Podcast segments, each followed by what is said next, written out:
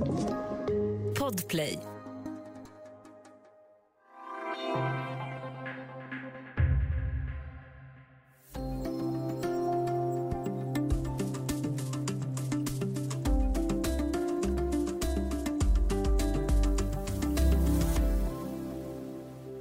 Women's rights in America are under attack. If the court overturns Roe v. Wade, it will be a direct assault on freedom. USAs vicepresident Kamala Harris om rätten till abort. För det som beskrivs som den allvarligaste läckan någonsin skakar den amerikanska högsta domstolen. Det handlar om dokument som visar att domstolen är på väg att riva upp rätten till fri abort. Och nu rasar debatten igen. Välkommen till Studio DN. Jag heter Palmira Kokari Menga. Och nu har jag med mig Karin Eriksson, Dagens Nyheters USA-korrespondent i Washington. Hej Karin! Hej! Ja, den, den här nyheten om läckan som har fått stor uppmärksamhet kom i måndags kväll. Eh, och du var utanför Högsta domstolen i tisdags morse där demonstranter hade samlats. Hur var det? Det var som det har varit så många gånger genom historien i den här frågan. Väldigt starka känslor från båda håll. Både de som var förtvivlade över att aborträtten kan vara på väg att inskränkas i USA och de som just den här dagen hade anledning att fira för att de tror att, att de ska bli av med aborterna. Men som också egentligen är förtvivlade över att aborter förekommer. Så det, det är otroligt känslosamt där utanför domstolen. Och det har det varit många gånger. Mm. Vi ska återkomma till det och vi ska återkomma till vad det här läckta dokumentet säger också. Men först, eh, hur funkar aborträtten i USA? Ja, sedan 1973 så finns det faktiskt en grundlagsskyddad eh, rätt för kvinnor att få abort i hela USA. Det har eh, delstater många gånger försökt eh, undergräva genom olika lagstiftningsförslag. Men, men i princip så är det så att är du eh, kvinna i USA så ska du kunna göra abort fram till ungefär att, att fostret är livsdugligt som man säger, som man kan säga 24, 23, 24 veckan. Och Det var tidningen Politico som först publicerade nyheten eh, om det här 98 sidor långa utkastet till ett beslut som alltså visar att Högsta domstolen har röstat för att riva upp den här aborträtten som du beskrev som har varit här sedan 1973. Vad, vad är det här för utkast? Det är ju ett, ett lagdokument då, men, men en skiss men på 98 sidor. Så man förstår ju att det är inte bara, det är inte bara en servettskiss det här, utan det är ju ett långt resonemang om varför den här domen från eh, 1973 i målet Roe mot Wade, varför den borde upphävas och varför det inte finns något skydd i konstitutionen för, för aborter. Eh, det, det skyddet som då har sagt ska bygga på, på rätten till, till privatliv, att det här är ett beslut mellan kvinnan och hennes, hennes läkare. Eh, och där resonerar då domaren som har skrivit texten, Samuel Alito, som är en av de sex konservativa ledamöterna i domstolen om ganska utförligt. Han säger att det här, det här utslaget i det här målet, det var, det var, det var fel från början, flagrant fel. Och det, det här bör inte vara en konstitutionell fråga. Då skickar man tillbaka det till politiken, till delstaterna istället. Eh, och vad Politico säger då också är att fem av ledamöterna, de fem av de nio ledamöterna, eller fem av de sex konservativa ledamöterna har eh, sagt, står på, på Alitos sida här och säger att, att eh, de ska riva upp Roe mot Wade just nu. Och det, det betyder ju att så, kom, så, så borde beslutet alltså bli. Mm. De är majoritet. Så, så det handlar nödvändigtvis inte om att de här nio ledamöterna är emot abort utan de tycker inte att det är någonting som ska beslutas eh, i den här instansen. Eh, förstår jag det rätt då? Alltså, de tycker inte att det här är en rättighet som finns i konstitutionen. Så här är det ju alltid i USA. Det är alltid resonemang om finns det ett konstitutionellt skydd, ett nationellt skydd eller kan man överlåta det här till delstaterna kan man överlåta det till politiken. Eh, det skulle också kunna vara den nationella politiken. Eh, det är det liksom principiella resonemanget. Men det är klart att vi vet ju att många av de här domarna är djupt konservativa. Vi vet ju att de kanske också är emot, eller vi vet att de är emot aborter, flera av dem.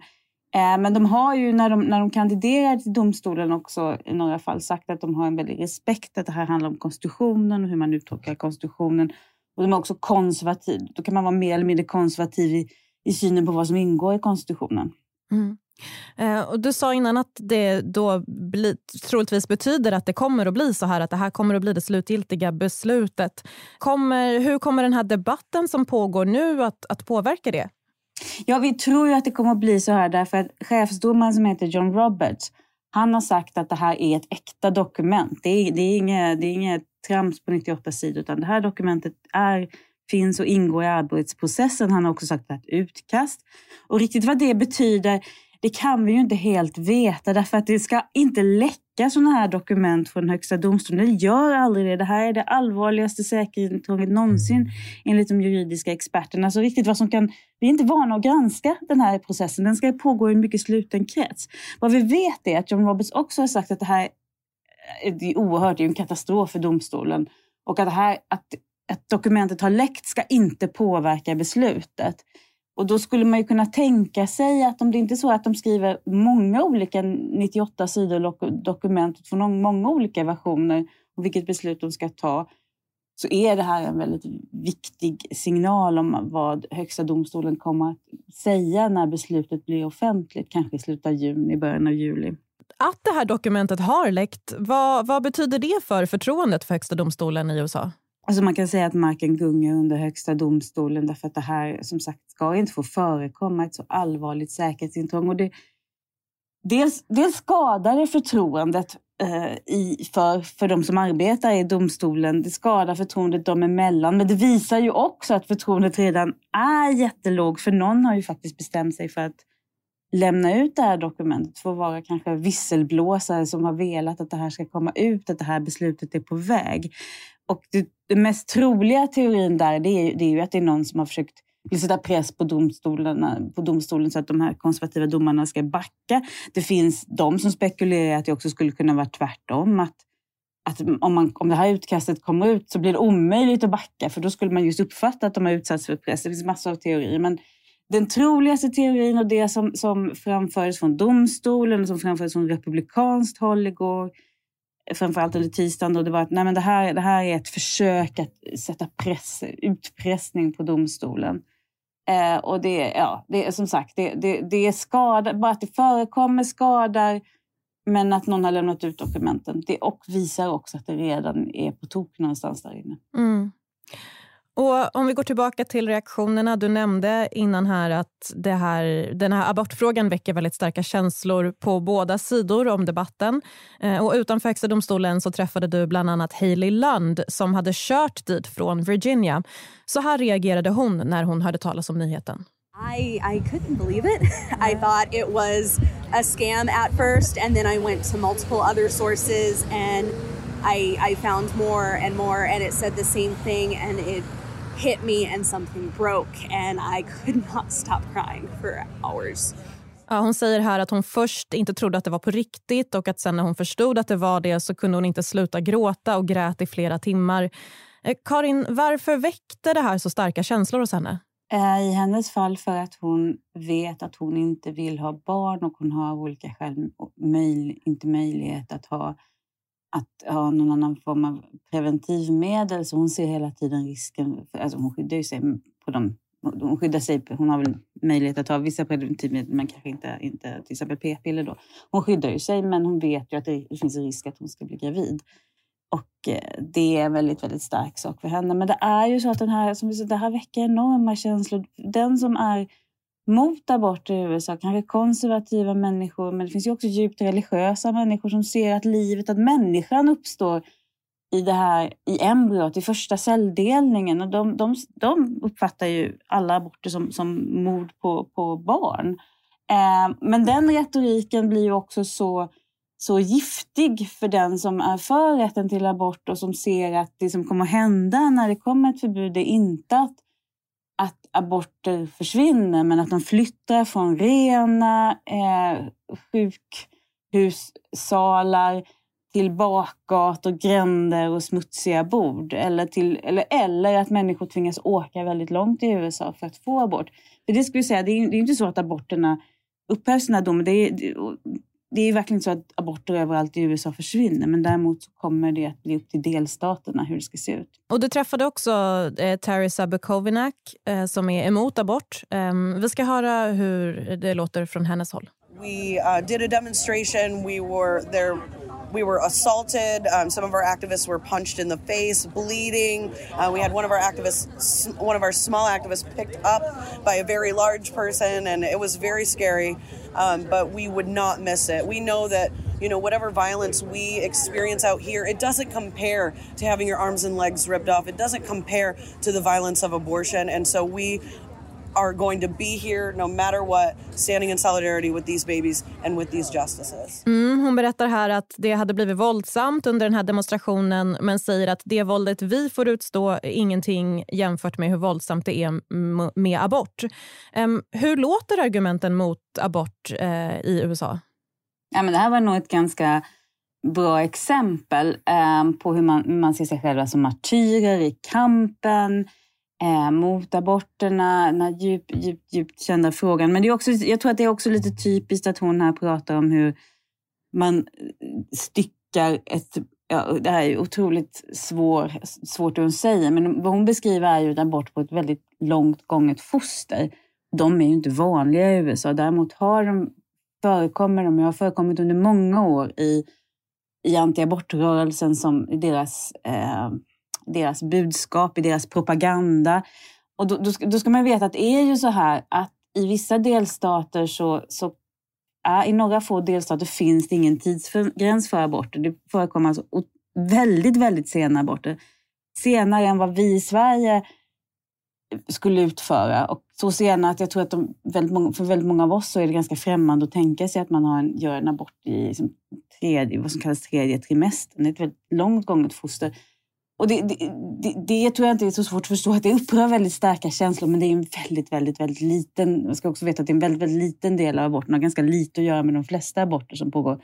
Däremot kanske, som sagt, från svenskt perspektiv är det inte alls svårt att förstå att, att, det, väcker, att det väcker protester. Och, och, du har ju bevakat abortfrågan länge i USA. Va, va, hur påverkar tillgången på abort kvinnors hälsa generellt skulle du säga?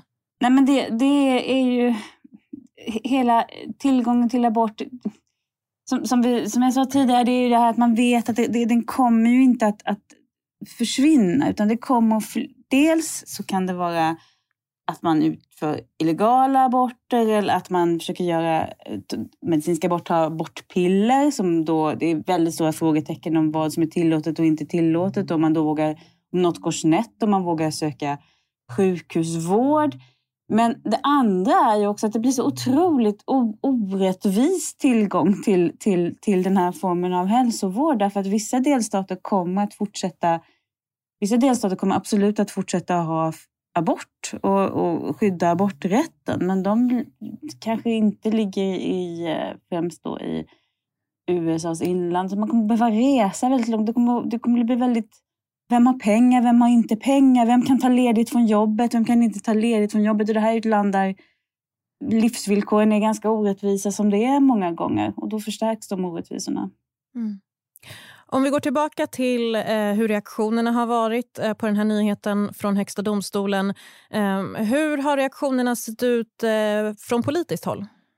Nej, men de har varit enorma. Igår när jag var utanför Högsta domstolen då kom en senator som heter Elizabeth Warren. Hon var presidentkandidat ett tag också för Demokraterna förbi. Och jag säga, hon, var så, hon var ju så arg så hon i princip skakade. Hon var otroligt upprörd. Någon rapport sa att de aldrig sett henne så förut. Och det var ganska talande för den här chockvågen som, som det här eh, läckan till politiker sände ut. Och den, den chockvågen drabbade ju alla för att om man, om man är republikan och egentligen tycker att det här är ett eh, om man är konservativ och mot aborter och republikan. Allt, allt, man behöver inte vara allt på samma gång, men om man är det så, så och tycker att det här är bra så blir man ju oerhört upprörd över själva läckan.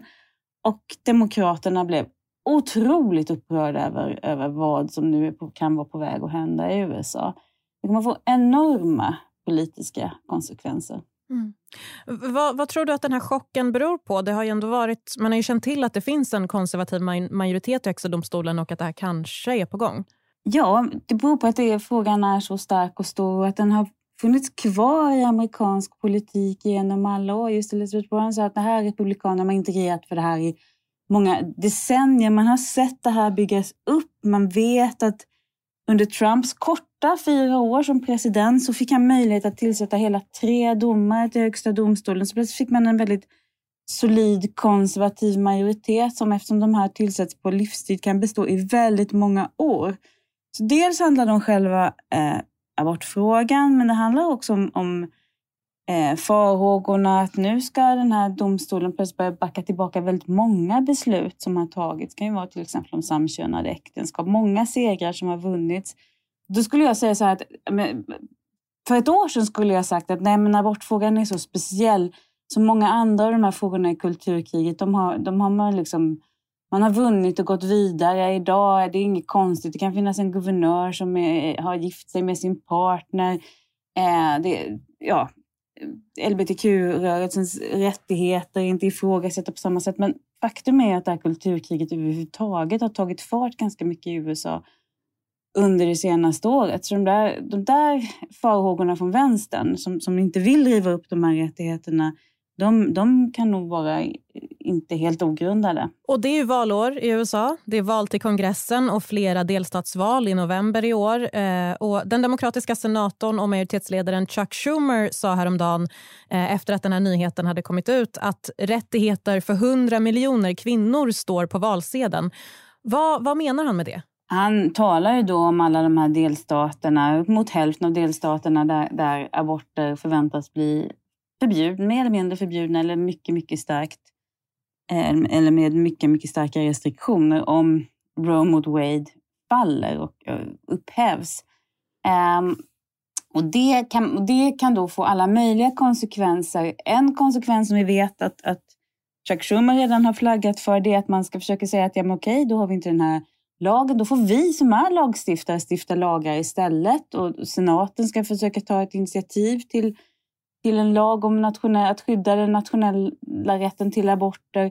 Problemet är att låsningarna då, för de som vill driva igenom den här lagen, låsningarna i senaten är sådana att det kommer inte att gå. I representanthuset har det varit enklare och där, där, där, finns, där har man drivit igenom sådana förslag, men, men de kan inte tas i senaten. Så att, omvänt så har vi då Eh, republikanerna som funderar på om de skulle, om de får makten i senaten och om de får makten i kongressen, om de skulle kunna införa ett nationellt förbud mot, mot eh, aborter. Så att det finns ju massor av diskussioner på nationell nivå. Men sen har du också alla delstater där den här frågan verkar vara så viktig och där den kan bli en stor fråga i mellanårsvalet. Och där skulle man kanske då cyniskt för Demokraterna säga att det här är ett beslut som chockar och skapar bestörtning. Men politiska strateger vet ju också att den kan bli en vad man kallar game changer. Att det här är en fråga, abort är en fråga som mobiliserar väljare. Som kan få alla de som tycker att Joe Biden är en ganska medioker eller usel president men, men som ändå då kanske framförallt är, är demokrat att, att plötsligt säga att Nej, men det, här, det här, vi måste gå och rösta, vi måste engagera oss. Så att det kan vara det kan också vara den fråga som Demokraterna har letat efter. Det finns nog republikaner som beklagar det. Mm. Um, så troligtvis blir det då så att uh, det, här, um, det som står i det här läckta dokumentet kommer att gå igenom. Det, det blir en upprivning av Roe versus Wade. Uh, och frågan flyttas då till politikerna i de olika delstaterna som vi har varit inne på. Vad, om du ska säga lite i framtiden, vad tror du kommer att hända med den här frågan framöver, Karin? Jag tror, precis som jag var inne på nyss, att den kommer att finnas med väldigt starkt i debatten under, under det kommande eh, halvåret eh, till, till, till mellanårsvalet. Jag tror att den kommer att finnas med i nästa år också, nästa år också, nästa år också. För att den har funnits med hela tiden i USA. Debatten efter det här målet för 49 år sedan, Roe mot Wade, har ju aldrig lagt sig. Det här är en fråga som fortsätter riva upp. Tack så mycket för den här gången, Karin Eriksson, USA-korrespondent med oss från Washington. Tack. Om du vill kontakta oss går det bra att mejla till studiodn dn.se. Och kom ihåg att prenumerera på Studio DN där du lyssnar på poddar så missar du inga avsnitt. Studio DN görs för Podplay av producent Sabina Marmulakai. Ljudtekniker Patrik Miesenberger, teknik Jonas Lindskog på Bauer Media och jag heter Palmira Kokari Menga.